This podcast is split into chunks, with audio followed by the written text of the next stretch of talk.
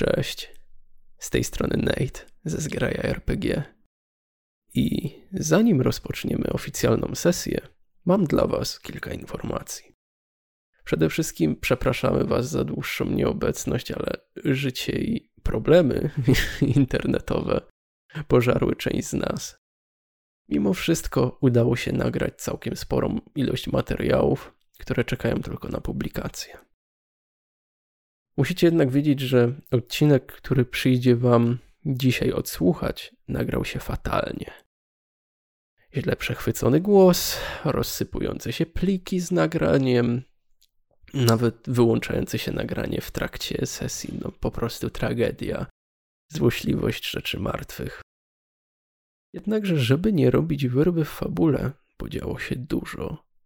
Postanowiłem nagrać dla Was audiolog, streszczający odcinek wraz ze wstawkami głosowymi z sesji, które udało się odratować. Korzystając z okazji, w imieniu całej zgrai, chciałbym Wam też bardzo serdecznie podziękować.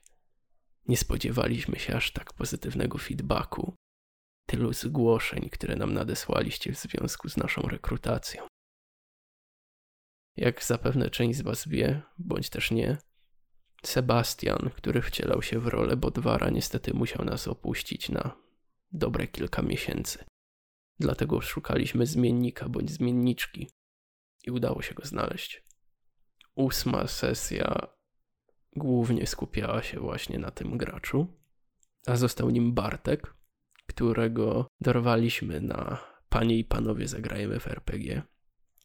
I z tego miejsca chcielibyśmy tym wszystkim grupom, które umożliwiły nam przeprowadzenie tej rekrutacji, podziękować. A są to po prostu graj, sesje RPG Online. RPG Online oraz Panie i Panowie Zagrajmy w RPG. Chcielibyśmy również serdecznie pozdrowić cały Carnival Team, w szczególności Martę, alias Hochlik, która również grywa na tym kanale i mistrzuje, ponieważ brakło bardzo niewiele, żeby właśnie na sesji ósmej zajęła ona miejsce Bartka. Mimo niesprzyjających warunków nie próżnowaliśmy i tutaj pojawia się bojowe zadanie dla Was, moi drodzy. Jaki dodatkowy odcinek chcielibyście zobaczyć w przyszłym tygodniu? Dajcie znać w komentarzach poniżej. Czy miałaby być to saga o ludziach północy numer 9? Zew Cthulhu, Lodowaty Płomień Duszy? Czy może, i tutaj uwaga, fanfary, Warhammer czwarta edycja, a dokładnie materiały stworzenia postaci? Dajcie nam znać w komentarzach poniżej. A teraz zapraszam Was na sagę o ludziach północy. Taktyka zazwyczaj bywa kombinacją małych kroków, które stawia się żeby dojść do obranego przez siebie celu. Strategia to kroki, które stawia się, kiedy nie ma już dokąd iść. Ślady właśnie takich kroków zostały odciśnięte przez Erika na północnej Marchi, najbardziej wysuniętej części archipelagu burz. Erik jest wysokim, szczupłym mężczyzną w wieku około 35 lat.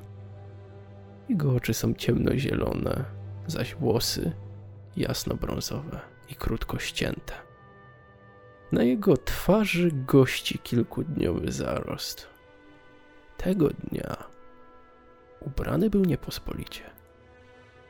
Gdyby nie to, że przez większość czasu nosi grubą, czarną wełnianą pelerynę z kapturem oraz skórzany płaszcz, ciężko by było poznać, że ma się do czynienia z osobą wysoko urodzoną. Pod tym przykryciem wysokiej jakości skórzany pancerz zdawał się jakby nie istnieć. A, od razu widać, że to ubiór, na który mało kogo stać. Lubił to wykorzystywać. Siadając w karczmach czy u kogoś w gościach, ściągając płaszcz oraz pelerynę z zadowoleniem, obserwując zakłopotanie i momentalną zmianę w tym, jak traktowany był przez ludzi. Bawiło go to. I bardzo często wykorzystywał to do realizacji swoich celów. Najczęściej na jego plecach przewieszone były skrzypce, którymi lubił porzępolić sobie od czasu do czasu. Pas jego zaś był zdobny, podobnie jak miecz, który do niego przylegał. Na szyi powiewała kościana piszczałka. Pochwycił też ją prędko, by zagłuszyć majaki starca, który prowadził go przez śnieżne zaspy w tutejszym lesie. Szybko zapytany, jak podoba mu się północna Marchia, odpowiedział. No, tutaj bardziej piździ zima i wiedziałem, że tak będzie. Ale nie wiedziałem, że aż tak się pozmieniał ten klimat, że aż tutaj tak wieje, jak masakra jest. Po kilku dalszych minutach konwersacji starzec przedstawił się jako Halstein. Zapytany, co robi w tak niesprzyjających warunkach w lesie, odpowiedział, że się ukrywa. To już wystarczyło Erikowi za informację, by nie zadawać więcej niewygodnych pytań. Zaprowadzony do obozu, który był tak naprawdę zlepkiem dwóch małych szałasów, paleniska i rusztu, przysiadł no na drewutni i porozmawiał z Halsteinem, już tym razem na równi, patrząc mu prosto w oczy. Tutaj starzec zapytał się go, do czego tak naprawdę są Erikowi potrzebni razem z jego podopiecznym. No wiesz co, kombinuje ludzi do najazdów. Potrzebuje ludzi, sprzętu, pieniądze się ogarnie. Tutaj mi zależy na tym, to nie są na jakieś najazdy byle jakie na jakąś wioskę, tylko mm, planuję hmm, uprzykrzyć życie kilku wysoko urodzonym osobom i zależy mi na, powiem, rabowaniu ich prywatnych szlaków handlowych, więc no jakieś trzy drakary, dwa drakary do tego, porządna ekipa zaznajomiona, nie jakieś tam siuśmajtki, ale sądzę, że potrafisz zorganizować takich ludzi. Odpowiedzią na pytanie, które przed chwilą zadał Erik, było 6 tysięcy srebrnych monet. Oczywiście nie w smak było Erikowi płacić tak zawrotną sumę, dlatego postanowił zmniejszyć ją o tysiąc mniej. Zawadiackim tonem przekonał Halsteina, że 6 tysięcy to jednak za dużo, a nie jest on pewny tego, czy to, co on mu oferuje, jest warte takiej sumy. Oczywiście Halstein udowodnił mu, że jest. Wziął go pod rękę i zaprowadził troszkę dalej za obozowisko. A tam, ukryty pomiędzy leśnymi gęstwinami, stał drakar. Piękny statek, w pełni załadowany żelastwem i różnego rodzaju dobytkiem, którym Erik mógłby wyposażyć swoją nową, małą armię. Podali też sobie rękę na znak przyjaźni, jak to tutaj zwykło się mówić, ale i także dobicia interesu. Całe zajście przerwał sapany rudowłosy mężczyzna, którego Erik rozpoznał jako Folkę. Zaparł się on na swoich kolanach, próbując złapać powietrze. Kiedy Halstein zapytał się go, dlaczego tak powłóczy nogami, ten odpowiedział, że widział wóz zmierzający w kierunku obozowiska. Hmm. Mogło to oznaczać dwie rzeczy. Oczywiście dla Halsteina zawsze ważne było, było uwzględniać tą najbardziej pozytywną. Jednakże Folke był jego zupełnym przeciwieństwem. Twierdził, że to rekruci morskiej gwardii, najpotężniejszej kompanii najemniczej, pływającej po tutejszych szlakach handlowych. Jednakże, cóż oni mogliby robić w lesie? No właśnie.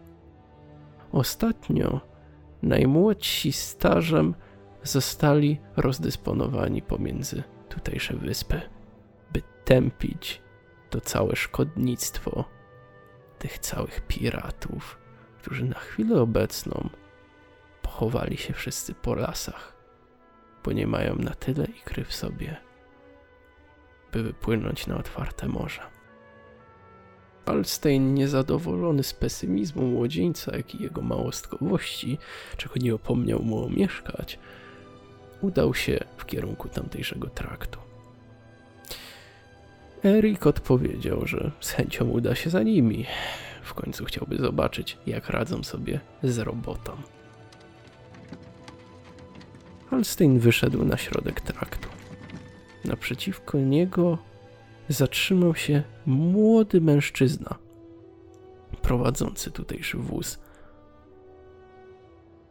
Halstein zapytał go o cel podróży i dlaczego obrał akurat ten trakt. Jest przecież tyle innych, tyle bezpieczniejszych. Twierdził, że chyba nie wierzy w bajanie o trollach, które zalęgły się w lokalnych górach. Młodzieniec odparł, że nie lęka się śmierci. Natomiast ten, rozbawiony, przeszył jego nogę sztyletem. Młodzieniec, wystraszony w tym momencie, zapytał, czego od niego chce. Halstein powiedział, że interesuje go tylko i wyłącznie to, co aktualnie ma na wozie. Folke podszedł do wozu i ściągnął płachtę, którą wszystko było przykryte. Pełno tam było różnego rodzaju maści broni, pancerzy, złota, ale także i biżuterii. Nie mówiąc jeszcze o flagach, których żadne z nich nie rozpoznało. Zapytany o pochodzenie dobytku, młodzieniec odpowiedział, że tam skąd pochodzi, nie uprawia się roli, ani także niczego się nie sieje, tylko przyjmuje się to, co wyrzuca morze. Zainteresowany łatwą możliwością dorobku, Folke z nienacka zabił młodzieńca. Halstein polecił mu zebrać tak naprawdę cały ten towar i zanieść go do obozu, a ciała się pozbyć. Kiedy ściągali je z wozu, zobaczyli, że młodzieniec miał przy sobie list. I to nie od byle kogo. List z morskiej przystani, jednego z miast niedaleko siedliszcza Halsteina. Sam list zawierał tak naprawdę informacje o tym, że młodzieniec jest wyczekiwany wraz z dostawą swojego towaru przez lokalnego kupca. Zaniepokojony Halstein polecił, żeby mieć oczy dookoła głowy, a jutrzejszego dnia przenieść obozowisko. Folke, stając na baczność, udał się do obozu i zaczął wykonywać polecenia, które dostał od Halsteina. Sam Erik uniósł się poklaskiem i powiedział, że nigdy nie widział tak dobrze wykonanej roboty, twierdząc również, że ma bardzo duże szczęście, skoro łupy wpadają same w jego ręce. Skuszony możliwością większego zarobku, udał się razem z Erikiem na miejsce, które jeszcze przed śmiercią wyśpiewał chłopak. Mówił o lokalnej plaży i statku, który właśnie się tam rozbił. Mężczyźni udali się na miejsce. Czarna plaża, kamieniste wybrzeże, a na nim pięć ciał. cztery w makabrycznym stanie. Wybebeszone, napuchnięte i sine. Wyróżniało się tylko i wyłącznie jedno. Ogromny, zarośnięty mężczyzna, którego mężczyźni pomylili z potworem morskim, bądź też, jak go później wyśmiali, wielorybem. Przerzucili go z brzucha na plecy i przeszukali jego kieszenie. Znaleźli tam srebrną monetę, za którą Halstein obiecał kupić napitek, by móc uczcić swój dzisiejszy łup razem z Erikiem.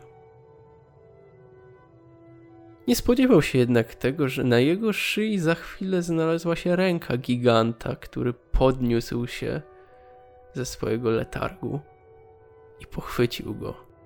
No, no to mam cię na gorącym uczynku, to moja moneta. Jakie masz usprawiedliwienie? Masz 10 sekund, albo twój kark zaśpiewa ostatnią pieśń w twoim życiu. Halstein wytłumaczył mu, że wielkolud nie wyżyje w tej krainie bez ich informacji. Wszakże wokół nic nie ma. Jak sobie poradzi? Wielkolud puścił go, przyznając mu rację, po czym poprosił o zwrot monety, potępiając okradanie zmarłych, którego przed chwilą się dopuścił. Udał się w kierunku ciał i pomodlił się do Odyna za ich bezpieczną podróż do Walhali. Przeprosił także Ran i Eigira za niedokończenie rytuału w Sechrmundr, gdyż zdenerwowani bogowie najprawdopodobniej z tego powodu zatopili ich statek.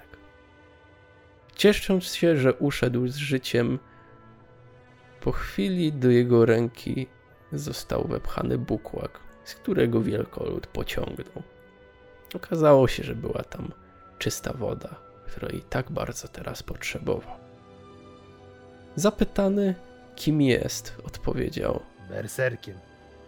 Kto to jest berser? Wojownik, który jak go zdenerwujesz, to rozszarpuje cię jak niedźwiedź. Następnie poprosił ich o pomoc w odprawieniu swoich towarzyszy na tamten świat. Usypali stosik pogrzebowy, na którym spalili ciała, a następnie udali się do obozu, gdzie czekał na nich Folkę.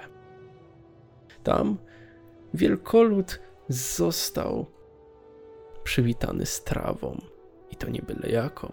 Specjalnie porwali kilka kur z okolicznych wiosek i ubili je na dzisiejszą ucztę. Dobra, skoro wy siedzicie w takim obozowisku, gdzieś tam w, w, w lesie, to pewnie, no. Albo jesteście łowcami, w co wątpię, bo raczej nie polujecie na kurczaki w tych lasach. Albo co drugie, jakimiś bandytami. Ani jednym, ani drugim. Wikingami? Ja jestem Erykiem. Miło mi. Mhm. Stawiałem No, się. Ale no czymś się na pewno trudnisz, no chyba nie jesteś po prostu Erikiem, no co? Aktualnie jestem y, bez pracy. Chodzę, podróżuję. Bez pracy. Tak, I wolny duch, tak? Sam Wielkolud w trakcie rozmów o tym, jak jest na kontynencie i jak się bardzo różni od archipelagu burz, zauważył niedbale ukryty zdobiony miecz przy pasie Erika. No, proszę, proszę. Ktoś tu chyba jakiś możnowładcą jest. Jakaś klejnotami rękojeść wysadzana pod płaszczem na Odyna. No Tak, to, to, no, to, tak. co mam się kłaniać? Tutaj książę jakiś pod, pod przykrywką? Tak, Tatuście. odsuwam ten, odsuwam, że tak powiem, tą, tą strawę tego kurczaka, nie? Od, odsu, że tak powiem, ściągam płaszcz, wyciągam tą, ten miecz i tak kładę na stole. Przypatrz się. Piękny oresz, piękny. Dla mnie to taka trochę wykałaczka, ale no. Na pewno Teraz- też nim walczyć. Teraz Ale wiesz, te zdobienia- dlaczego Te zdobienia takie mało praktyczne, po co to komu? Złoto jest ciężkie, kryształy też. To wyważać trzeba dodatkowo. No, ładnie to wygląda, ale w walce słuchaj, nie chodzi o wygląd, chodzi o walkę. Ten miecz, przyglądnij się mu jeszcze raz, zobaczysz. Ten, ten miecz jest taki, że ty prawdopodobnie nawet nie poczujesz, że, to, że coś podnosisz. Ja teraz nigdy wiem- nie czuję, że coś podnoszę, no widzisz mnie przecież. Biorę ten miecz, tak? Domyślam się. Sprawdzam sobie ten miecz, jak mi powiedział, że mam, mogę sobie wziąć, tak sprawdzić. Mhm. miecz. Biorę ten miecz, tak odwracam, wiesz, rękojeścią do niego i tak klękam jak do księcia i tak podaję i się śmieję, że o proszę, można władco, to twój miecz. Nie wygłupiaj się. Nie, nie dość, że, Biorę wy- michę. nie dość, że wychowany, popatrz, popatrz, ludzie na kontynencie to, to ten, ale nie, bez jem. takiego gestu. Nie no, żartowałem, trochę humoru muszę sobie poprawić, bo... Biorę ten miecz i Dobra, chowam. To, to tak, to się, to się przyznaj, kim jesteś, bo albo jesteś jakimś synem jakiegoś du- sporego jarla tutaj, że masz taki miecz, albo i tutaj są znaki rodowe, więc jakiś ród, no, albo jakiegoś króla nawet. No ale wiesz co, no ja tobie się przedstawiłem, pokazałem mój miecz. Ja nie widzę Dobra. powodu, Nie Żebym się- przedstawiać dalej, spoko, ale jak, te, jak to cię przekona, to sam jestem synem jarla, właśnie jarla jednego z najpotężniejszych klanów w górach. czyli jesteś kimś tam na kontynencie, tak? O, kimś tam. Kimś Angar, tam. A- Angar, syn Torfa, niedźwiedzioskóry. Dużo ludzi mówi na mnie niedźwiedź. Jak chcecie się do mnie też zwracać. Niestety Domyśl- skóra niedźwiedzia została pewnie zszabrowana albo utonęła po prostu, więc nie mam jej na sobie, ale zwykle w niej chodzę. Ja tak jem i dalej, wiesz, ten. mm, Chcę zbyć tą rozmowę, że nie chcę, że tak powiem, y, ujawniać swojego pochodzenia przypadkowo wyłowionemu bersekerowi. Wielkolud dozbroił się na tutejszym statku, o którym wcześniej mówił Halstein, który pokazywał Erikowi. Nie było dostatecznie dużo miejsca w obozie, żeby mogli zatrzymać się tutaj na noc, dlatego postanowili wybyć w kierunku morskiej przystani. Folke zaproponował, że zawiezie ich wozem do miasta, wszakże to godzina drogi, przy czym wyszło również kłamstwo Halsteina, o czym Angar ewidentnie omieszkał go poinformować. Zapakowani na wóz udali się w kierunku morskiej przystani.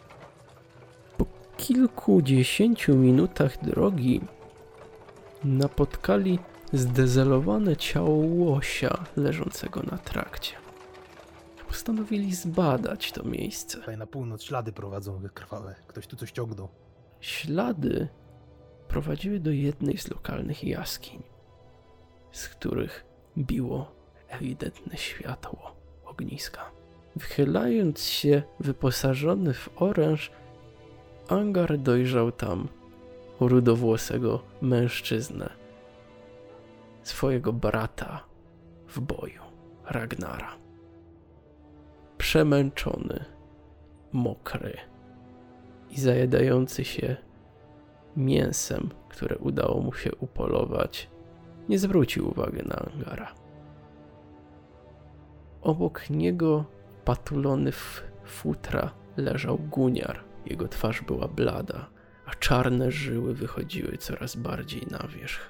Dodatkowo męczyła go gorączka. Angar wszedł do środka, informując ich o swoim jestestwie. Ragnar z początku się wystraszył. Guniar nie miał nawet siły się podnieść. Angar, to ty? Nie! Twoja babcia nieboszczka, no pewnie, że ja. Gdzie, Chłopaki, no jesteś nie sam? wierzę, że żyjecie. Nie, nie, mam tutaj już przyjaciół poznanych. My tak stoimy przed tym, bo nie, ten, dopiero teraz wchodzimy, nie? Tam do środka. Panowie, Mhm. widzicie? Mówiłem, że przeżyją. Mówiłem. Co tu się kurwa dzieje? To moi przyjaciele, patrzcie jak sobie poradzili. Widzę, że sztuka przetrwania, wszyscy O, tak. dobrze cię widzieć. Jesteśmy tu tak krótko, a ty O, już z jakąś jeszcze- załogą przychodzisz? Ha, Ubrany, topór. a, siła berserkera.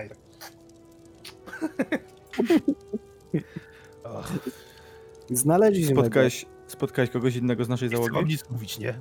No, niestety, a nie żyli. Olaf. Był to Olaf, był to Eidar i Rolf. Pochowałem ich. My Reszta niestety musieliśmy... My musieliśmy niestety pochować e, Siwa. Czyli. Dobra, to jedyna jeszcze jest szansa na Bo. Patrz, taka, taka góra mięcha z ciebie. Myślałem, że będzie jak z kotwicą, ale bardzo się cieszę, że cię widzę. No tylko, że ja pancerza nie noszę. A, widzisz. No, ważysz trochę jednak. Ale jednak człowiek ma taką, wiesz, unosi się tak. pancerz ciągnie, ale ciało nie. Więc wiesz, A tam nie wiem, no ludzie to wiem, ale nie wiem jak niedźwiedzie się zachowują. dobra, dobra. A Budwara z tobą nie było? E, nie, nie, właśnie Bodwar jeszcze. Bodwara też nie było. Ogólnie to nas ograbili, no, ale to można było się spodziewać. No, nas też ograbili. Ledwo co zdołaliśmy e, zebrać drewno, żeby jakoś godnie pożegnać Siwa. Ogólnie to. No ja miałem to szczęście, że Erik i ta reszta mnie znalazła. Na szczęście to oni nie, to nie oni nas ograbili, a nawet tego, co nas ograbili, to złapali. Ale No, zgodnie z sporo odprawą to spodziewaliśmy się raczej innego klimatu tutaj, a nie takich niskich temperatur i zimy ogromnej. No, palenisko już do gasa. Co jest? Nie jest tak zimno. Ale może nas, może nas oderwało, oberwało ze wszystkiego, jesteśmy tylko w koszulach. Nie, to nie Musieliśmy- może was oberwało ze wszystkiego, tylko ludzie. Część, część na pewno poszła na dno, ale zostaliście ograbieni pewnie tak jak ja. A skąd wziąłeś broń? No tutaj od chłopaków. W sumie to, No już, skąd? Tak w wiesz, bo sumie tak to już dostałem od nich robotę i w sumie wy też możecie. Przysłuchiwałem się tak, bo nie chciałem, wiesz, bo to wy się znacie, więc nie chciałem, że tak powiem, y, wchodzić w słowo, ale tak mówię, że no, w tym momencie tak sta- stanąłem i y, między wami mówię, y, dość już tego tutaj gadania w tej jaskini. Właśnie, chodźcie na wóz. Czasu jest, czasu jest się stąd zbierać, żeby doprowadzić was do tego, do, do używalności, bo wsiadamy No na dobra, wóz. to, to Ty, chodźmy, no. Wszystko w porządku, Guniar, bo tak słabo wyglądasz. No i tak się też czuję. Nie za dobrze ze mną. No to ci pomogę tutaj. Ja spoglądam na Guniara niepewnie. Dasz radę iść, czy cię zanieść? Nie no, chodzić chodzę. Przed chwilą zabiliśmy, jak widzisz. A, a co ci się dzieje. Guniar? Bo ja widziałem, jak przez sen strasznie uciskałeś swój bark. No, całe ramię. To mi najbardziej dokucza. Od chwili, kiedy tam moją wioskę kiedyś już to. To w sumie niedawno było, ale to tyle rzeczy się działo. Jakby to już. Ale nie widziałem nigdy wcześniej, żeby ci tak to dokuczało. Panowie, panowie, panowie, pogadacie w drodze, zbieramy się z tej jaskini, bo to tutaj zamarzniemy i tam kierujemy się w stronę miasta. Rozumiem, że zabieramy was i nie wiem, jako dobry człowiek, powiedzmy, że dzisiaj mam dobry dzień, bo mi się ułożyły interesy. Zasponsoruję wam jakąś porządną karczmę, kąpiel. Przyda się wam. Erik, ja ci powiem tak. Jak chcesz zwerbować mnie, to musisz zwerbować też ich. Należeli do, należeliśmy razem do jednej kampanii najemniczej. Słuchaj, po, na interesy przyjdzie czas. Dobra, dobra. Ale dzięki, że pomaga. Proszę bardzo. Chodźmy. Mężczyźni wdrapali się na wóz i udali się dalej w kierunku morskiej przystani, wymieniając swoje doświadczenia. Nawet nie wiecie, jak bardzo się cieszę, że was widzę. No, muszę to powtórzyć jeszcze raz po prostu. Myślałem, że wszyscy No my zginęli. też się cieszymy. Ja tak samo myślałem, jak zobaczyłem w jakim stanie yy, pochowaliśmy jednego z załogantów, to myślałem, że każdy tak skończył. No. I to wszystko przez to, że nie dopełniliśmy tego rytuału, pamiętacie? Bogowie się na nas zdenerwowali. Tak. Jak widzę, Bodwara z nami nie ma i on nie dopełnił rytuału, no to... Szkoda chłopak. Koniecznie, niekoniecznie bogowie nas ocalili, bo nic innego bym w tym nie widział. O nas, ocali, o nas ocalili. Dostaliście drugą szansę, widzę. To tylko możecie, że tak powiem, w przyszłości składać modły do bogów za uratowanie waszych duch, bo naprawdę ta reszta ludzi, co widziałem, to i statek, co w ogóle, coś żeście zrobili, że tak ten statek się rozpierdolił. To, to rany boskie święte. Yy, Anga coś mówił o jakichś mackach, czy jakichś, nie wiem, potworach, ale to jakieś bajek, kuźwa. No dokładnie tak było. Jakbyś to widział, nigdy byś w to nie uwierzył. No To właśnie trzeba raczej zobaczyć. nie wierzę w takie rzeczy, to chyba. Zresztą trudno, żebym w ogóle nie wiem. Widziałeś kiedyś ośmiornicę? Ośmiornicę widziałem, oczywiście, że widziałem. Nawet ja. To taka wielkości dwukrotnie naszego statku nas zaatakowała. To musieliście, musieliście porządnie wkurwić bogów. No tak jak mówiliśmy. Nie dokończyliśmy rytuału. I się zdenerwowali. Bo pro, przed wypłynięciem w podróż robiliśmy rytuał e, proszący bogów o, wiesz, dobrą podróż, dobre przypłynięcie przez morze. No, no wiem, wiem. I został nam bardzo niedobrze przerwany i my zapomnieliśmy go potem dokończyć. O, A propos Angar, bo ty słyszałem, układasz się tutaj już w jakieś nowe, nowe współprace, nowe zlecenia, ale ty wiesz, że jak z tego co mówisz, Aidar nie żyje, a my jesteśmy częścią jego załogi, która jest zobowiązana pewnego rodzaju kontraktem. Nie możemy chyba sobie tak, Tak. po prostu tego zignorować. tak, tak, spokojnie, to nie jakby e, cel naszego tu kolegi to atakowanie e, jakichś transportów. Tak, w ogóle to Erik jestem. Tak, to jest Erik, oficjalnie właśnie, na, na, na przepraszam, tym. zapomniałem przedstawić. To jest. Erik, Ale jak rozumiem, to nie jest do końca legalne, prawda? Podaj rękę. Mm, Nie jest to legalne. nie jest, ale... Ale działasz przeciwko królowi, tak? Przeciwko Rudawemu. Niekoniecznie przeciwko ró- królowi. Słuchajcie, y, mój plan jest taki, znaczy zatrudniam, szukam ludzi po to, żeby stworzyć, że tak powiem, flotę, przynajmniej dwóch, trzech drakarów, żeby rabować po prostu mm, trasy handlowe. Odpowiednich ludzi. Pamiętaj Ragnar, nasze zadanie było też tutaj zwerbować ludzi do walki zauzbiornej, pamiętasz? Właśnie to chciałem powiedzieć, słuchaj Jeżeli Erik, bo sytuacja mu- wygląda następująco. Może nam. Bo ty chcesz robić to nie do końca legalnie i się na tym wzbogacić, a my działamy z ramienia Jarla Gundrika i można by to było połączyć. Ale słuchaj, I ja, działałbyś w pełni legalnie i plądrował statki królo- królewskie. Ja nie chcę plą- plądrować statków królewskich, o to chodzi. No, kto, trzeba być głupim, żeby y, zadzierać z samym królem. Ja chcę po prostu pewnych możnowładców, szlaki prywatne ich y, no, szczuplić, chcę im zaszkodzić po prostu. Nie A- wiem w takim razie, czy wiesz, co tu się dzieje. Tutaj już niedługo nie będzie prywatnych szlaków. Tu wszystkie szlaki niedługo będą królewskie.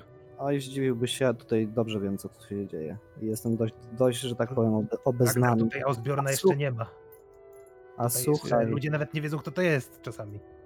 Ogólnie No ale to, że jesteśmy tutaj, po tutaj to, się... żeby zwerbować tych ludzi przed nim. A Ale no właśnie myślę, o to chodzi, ja ostrzegam. To, to, że jeszcze tutaj Asbjorna nie ma, to nie znaczy, że... Pamiętasz, co się działo u Gundrika? Jego szpiedzy wszędzie przenikają i myślę, że tak naprawdę to, że nie widzimy tutaj y, ludzi z jego po prostu y, herbem i flagami i w ogóle, że tutaj nie kręcą się jego żołnierze, to nie znaczy, że jego tutaj jeszcze nie ma. Ten teren jest zbyt duży, żeby To jest jedna z pozostawił wysp, to tak jedna z większych w okolicy. dla siebie. Na pewno jedna- tutaj już jego wpływy sięgają, mogę się Możliwe. mogę sobie rękę uciąć. ale słuchajcie, ja ten, ja rozumiem, że jesteście związani jakimś tam kontraktem, bo dupy z domu byście nie ruszali, żeby płynąć tutaj na ten cały archipelag. Ale tutaj rozmawiając z Angarem, to myślałem się, że ten, że chcecie, że tak powiem, zbierać ludzi i pokrzyżować plan temu yy, Asbjornowi. Dobrze mówię? Ten, ten typek? Zresztą właśnie. Dokładnie Ragnar, tak. Właśnie. No, no to Ragnar, właśnie tutaj po, powiedziałem, że to czy warunek y, Angara do tego, żeby przystąpił do, że tak powiem, mojej werbowanej kompanii jest to, żeby dodać go do tej listy. Także ja jestem skłonny i tu już obiecałem tak samo, że możemy sprawę załatwić tak samo. I przy okazji ci można Zresztą teraz Myślę, że obie strony będą zadowolone, jeśli nawiążemy współpracę. Ja jestem za. A następny Ragnar przypomniało mi się, przecież reszta płynie tutaj też, może ich spotkamy w tym mieście, może to jest to miasto. Tak, Tylko- umówmy się w takim razie, Erik, tak. y, My ci pomożemy i będziemy pracować dla ciebie, ale Okej. odwdzięczysz nam się tym, że potem porozmawiasz z samym Jarlem w sprawie być może jakiegoś kontraktu z jego strony. Mm, To jest, wiesz, ja Na jestem którym otwarty, sumie ty też możesz zarobić. Jakby nie ja Tak, jestem otwarty dokładnie. i czemu nie? My nie robimy tego z czystej sympatii i z samych przekonań, bo co prawda przekonania są dla nas ważne, ale Jarl nas opłaca i jesteśmy z nim dogadani na konkretną sumę pieniędzy. jeszcze nam nie płacił. Tak, ale jeżeli, jeżeli zgodnie z naszą umową, jeżeli się wywiążemy z umowy, to może nas sowicie wynagrodzić za to, co No tak. Nas czeka na tej przygodzie. nie? Im więcej zrobimy, tym będzie większa nagroda. dlatego musimy A zrobić jak najwięcej. Jeżeli zwerbujemy mu już tutaj Erika i jego, jego przyszłą kampanię, którą tu zakłada, to będzie duża zasługa. Ale moment, moment, moment, to ja tutaj plany układam, a nie... A nie, Nie, nie, nie, nie, to my o czym innym. Dwóch gołodupców owiniętych w krwawe skóry i niedźwiedź, którego dopiero co wyłowiono z tego, z wody i już tutaj robić, snujeć jakieś te... Owszem, jak najbardziej tutaj Ragnar dobrze mówił, że z Jarlem się pogada i może rzeczywiście to zrobimy na No takiej i zasadzie. No, no. No to mamy porozumienie. wydaje mi się, że ten, że trzeba po prostu teraz pierwsze co, Musimy się do ogarnąć. miasta, dokładnie, trzeba się ogarnąć, przemyśleć tutaj sprawę, przynajmniej przespać się, podjeść. Wy to wyglądacie w ogóle jak, dobrze, ten niedźwiedź was zna, bo byśmy tam wpadli, jakiś obłąkani kultyści normalnie. Nie byłoby pytań. Może nie wyglądamy teraz w tym momencie niebezpiecznie, ale uwierz mi, że nawet bez broni, tylko z tą prowizoryczną stworzoną przez nas, to byśmy mogli wam stawić czoła. No rozumiem, ale wiesz, no po prostu tak. Cieszę się, że niedźwiedź się cieszy. Niedźwiedzia polubiłem, was mam nadzieję, że też. Niedźwiedzia polubisz dopiero jak zobaczysz go w walce. Domyślam się, już miałem jeden przykład, jak chwycił mojego kumpla tak za gardło. O. Ktoś myślał, że. To myślałem- dziwne, to dziwne, że twój kolega żyje, bo zazwyczaj jak niedźwiedź chwyta kogoś za gardło, to zostają dwie części kolegów. Wiesz co, domyślam się, że on był bardzo osłabiony, bo y, dopiero co, że tak powiem, otworzył oczy i powiem ci, że no, to, co Znaczy, widziałem, to Ja Co mu tym darowałem. bardziej. Zaskoczony niedźwiedź potrafi najmocniej. Tak tylko on przedtem jeszcze wypluł, nie wiem, pół litry soli i No, myślę, że myślę, że jak tam poprosiłem Tora na statku o błogosławieństwo, to mi dał. Że potrafię pić morze jak on. to Ale- prawda. tak w ogóle to. to panowie, no. Nie Czyli co, jak wyruszamy do miasta. Nie wiecie, Tak, tak. jesteście na nogach, tak? No ciężko nam w ogóle to określić. Znaczy, jak długo jesteśmy na nogach, to, to akurat nie Jedno jest problem, tylko Jedna, dwie. no ciężko powiedzieć. Teraz jesteśmy w ogóle yy, na nogach pierwsze chwile, tak? Dopiero się obudziliśmy. Pierwsze co zrobiliśmy, to tak jak ci mówiłem, spaliliśmy No, cały... Jeśli, jeśli chodzi ci o to, kiedy wstaliśmy, no to palenisko, yy, znaczy no ten ołtarz pogrzebowy dogasa, więc nie, nie, nie trwało to długo. Trochę chyba dłużej niż ja. Szczególnie, że ten. Rozmowy przerwało uderzenie w wóz. Wskoczyła na niego istota o jasno-niebieskich oczach i lodowatej skórze. Angar toczył z nią bój, próbując ją zrzucić. Nagle w bok wozu wystrzeliły strzały. Wbiły się, niemal raniąc Ragnara. Bohaterowie schowali się w ramach wozu, próbując wystawiać się jak najmniej na potencjalne strzały. Folke dostał jedną z nich. Wypadł z wozu, krztusząc się krwią. Jego miejsce prędko zajął Erik. Chwytając uzdę, cwałował ile sił w koniu. Nagle na jego drodze ukazała się ogromna ilość podobnych istot. Guniar. Guniar niezwłocznie zidentyfikował ich jako draugiry. Opanowany przez lęk, nakazał mu zawracać. Lecz nie było już na to czasu. Za nimi szła kolejna fala tych istot. Zmuszony sytuacją, Erik postanowił przebić się przez nie. Wykonał piękny manewr, który pozwolił zwieść część z nich. Natomiast reszta, pochwyciwszy wóz, wywróciła go. Bohaterowie zostali zdani na łaskę losu. Przez chwilę, przez myśl bohaterów, przeszło to, że ich losem jest tragiczny upadek.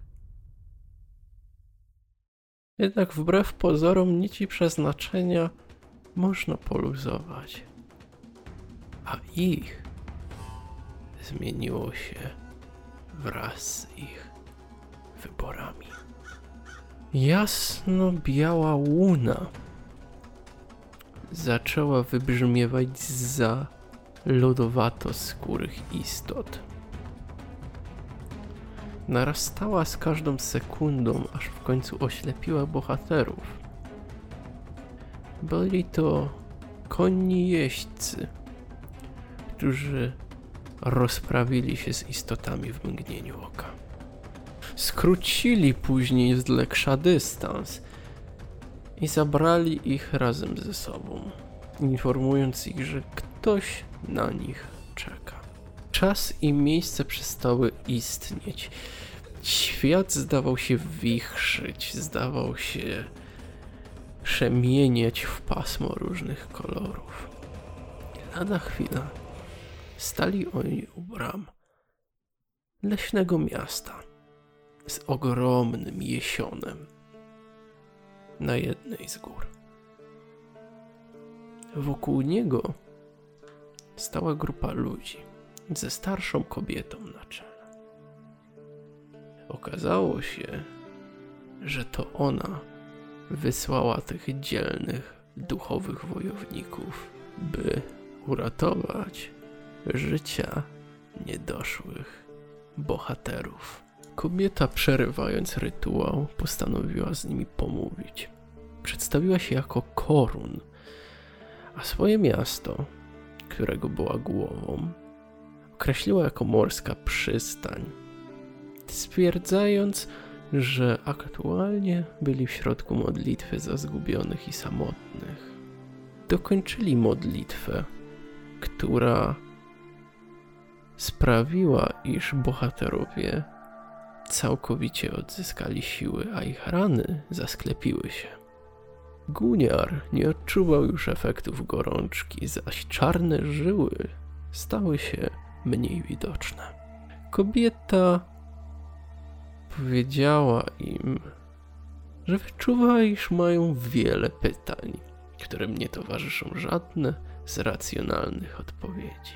Następnie podzieliła się z nimi wizją o tym, iż w górach niedaleko morskiej przystani czai się mroczna potęga. Zło, bądź też kult, który wydobywa prastare artefakty, które zwą się kłami.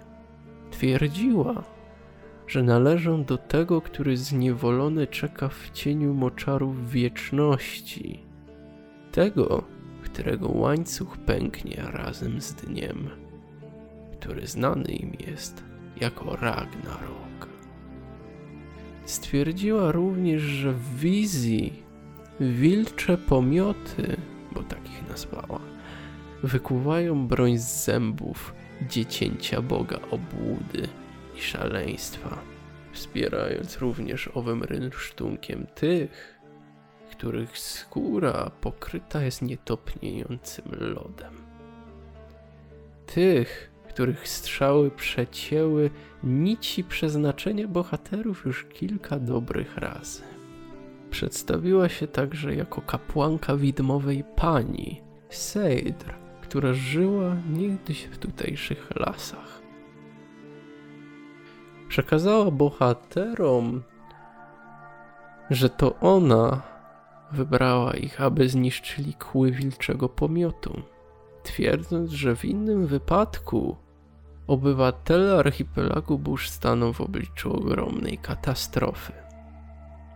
Co najbardziej zszokowało bohaterów to to, że wiedziała o Jarlu Gundriku i tym, jaką tak naprawdę nagrodę im zaoferował, twierdząc, że widmowa pani jest w stanie dać jeszcze więcej.